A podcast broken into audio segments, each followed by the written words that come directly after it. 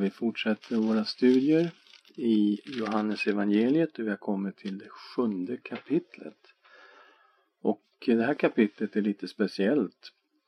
Eh, här finns inte särskilt många långa sammanhängande sekvenser utan det är uppbrutet i smådelar och det är många olika personer som har åsikter om Jesus och de får möjlighet att föra fram dem här. Och en del var helt enkelt fientligt inställda. En del var undrande och frågande och några trodde att han var Messias. Ska vi be tillsammans. Tack Herre för den du är. Tack att det är uppenbarat i skrifterna. Herre, tala till oss genom ditt ord vi ber. I Jesu namn. Amen. Ja, som sagt, det var vi möter åsikter här. Vi får inblick i hans bröder uppfattar det hela. Och eh, han tyckte att de, att de bröderna tyckte att Jesus borde bege sig till Judeen och till Jerusalem under lövhögtiden som nu stod för dörren. Men eh, Jesus eh, eh, sa nej men jag är inte på väg upp till den här högtiden nu så att men ni kan ju gå upp. Och det står i vers 5, inte ens hans bröder trodde på honom. Så de trodde inte på honom.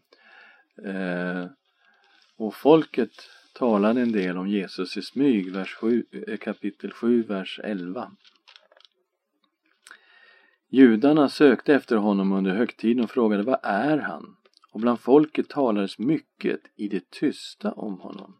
En del sa han är god, andra sa nej, han vilseleder folket. Men ingen talade öppet om honom av rädsla för judarna. Och eh, när han väl kommer upp till högtiden, mitt i högtiden, kommer Jesus dit och ställer sig och undervisar. Då blir eh, den religiösa eliten paffa över hans undervisning. Vi läser om det i vers 14 och 15. När halva högtiden redan var förbi gick Jesus upp till tempelplatsen och började undervisa. Judarna blev förvånade och sa Hur kan han känna skrifterna, han som inte har studerat? Själva hade de suttit vid olika rabbiners fötter och fått undervisning men Jesus hade ju inte setat vid någon rabbins fötter. Och hur kunde han känna till skrifterna på det här sättet? Och eh, en del eh, bland folket trodde på honom därför att han gjorde fantastiska under. Vers 31. Bland folket kom många till tro på honom och de sa när Messias kommer ska väl han göra fler tecken än den här mannen har gjort? Fariseerna hörde att folket sa detta om honom. Då skickade översteprästerna och fariseerna ut tempelvakter för att gripa honom. Och så här pågår det då genom kapitlet. En del tror att han är Messias men andra säger nej men han kan inte vara Messias, det går inte. Och eh, tempelvakterna kommer tillbaka och de är tomhänta, de har inte arresterat Jesus. Vers 45. Tempelvakterna kom tillbaka till översteprästerna och fariseerna frågade, som frågade dem Varför har ni inte fört hit honom? De svarade aldrig har någon människa talat som han. De kunde helt enkelt inte ta fast honom. Det gick inte. De var helt överväldigade över hans undervisning. Men rådsherrarna och fariseernas åsikt om Jesus, de, de var redan klara. Det var bara Nikodemus, verkar det som, som vågade säga någonting emot eh, det som var politiskt korrekt. 7 och 47. Då sa fariseerna till dem, har också ni blivit vilseledda? Finns det någon i Stora rådet eller bland fariseerna som har trott på honom? Men den här hopen som inte känner lagen, den är förbannad. Nikodemus, han som tidigare hade kommit till Jesus och som var en av dem, sa Inte dömer väl vår lag någon utan att man först hör honom och tar reda på vad han har gjort. De svarade Är kanske du också från Galileen? Om du undersöker skrifterna ska du se att ingen profet kommer från Galileen. Så de hade sin åsikt om Jesus klar, fix, färdig. Men Nikodemus, han hade ju besökt Jesus i tredje kapitlet och eh, han var ju en av dem som verkligen hade försökt ta reda på det här och han var ju mycket öppen för Jesus.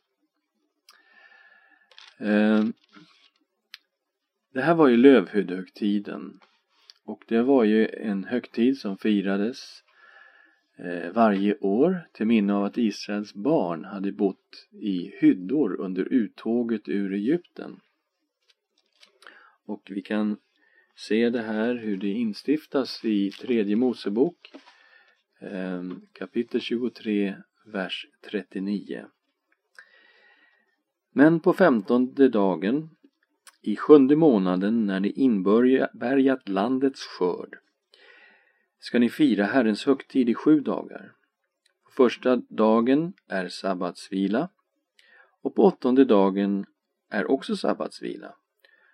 På första dagen ska ni ta frukt av era vackraste träd, kvistar av palmer och grenar av lummiga träd och pilträd och ni ska glädja er i sju dagar inför Herren, er Guds ansikte.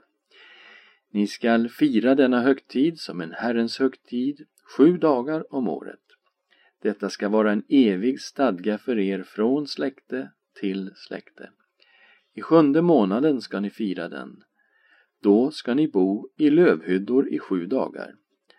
Alla de som är födda i Israel ska bo i lövhyddor.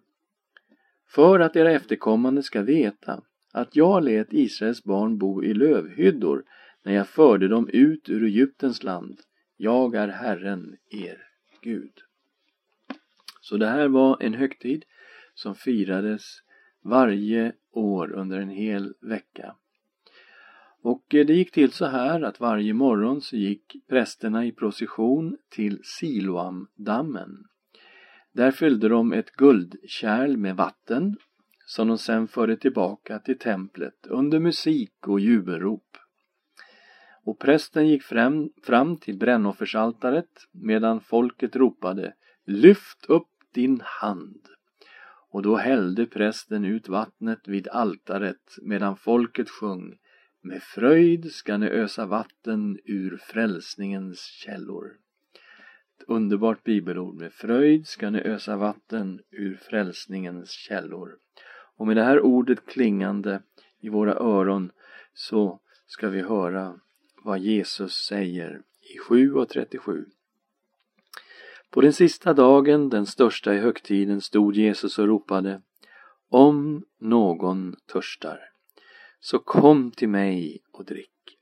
Den som tror på mig, ur hans innersta ska strömmar av levande vatten flyta fram, som skriften säger. Detta sa han om anden, som de skulle få som trodde på honom. Ty anden hade ännu inte blivit utgjuten eftersom Jesus ännu inte hade blivit förhärligad. Underbara ord. Så här ropar Jesus på den sista och största dagen. Man hör liksom det här ropet med fröjd ska nösa vatten ur frälsningens källor och Jesus säger om någon törstar så kom till mig och drick. Den som tror på mig ur hans innersta ska strömmar av levande vatten flyta fram som skriften säger. Ehm. Och när man sätter sig in då hur de firade lövhyddehögtiden så, så, så förstår man ju hur starkt och begripligt Jesu ord är med kopplingen mellan vatten och anden. Det liknar ju också de här orden som Jesus sa till den samariska kvinnan vid Sykars brunn. Men om någon dricker av det vatten jag ger honom skall han aldrig någonsin törsta. Det vatten jag ger skall i honom bli en källa som flödar fram och ger evigt liv. Jesus säger här att skriften eh, talar om anden Eh, som ska strömma som levande vatten. Och helt klart så syftar Jesus på det här bibelordet som han ropade varje dag under högtiden att man ska få ösa med fröjd ur frälsningens källor. Men det finns också andra verser, till exempel Jesaja 44, vers 3 och 4 säger det. Ty jag ska utgjuta vatten över det som törstar och strömmar över det torra. Jag ska utgjuta min ande över dina barn, min välsignelse över dina avkomlingar, så att de växer upp mitt ibland det gröna gräset som pilträd vid vattenbäckar. Underbara ord om den helige Ande som vatten som utgjuts över det torra och det törstiga. Och här säger Jesus om någon törstar så kom till mig och drick. Och kopplingen här att de ska komma till Messias, till Kristus för att dricka, den finns också i Gamla Testamentet, kopplingen mellan Messias och Anden. I Jesaja kapitel 11 står det om Isais avhuggna stam. Isai var ju Davids pappa och hela kungasläkten i Juda, den södra delen av landet, kom ju ifrån Davids släkt. Men det här skulle då huggas av. Eh, folket skulle föras bort i fångenskap och den här ståtliga stammen från Isai skulle alltså huggas av och eh, det skulle så att säga vara slut på det hela. Men det skulle bli en stubbe kvar och ur den stubben ska det skjutas skott.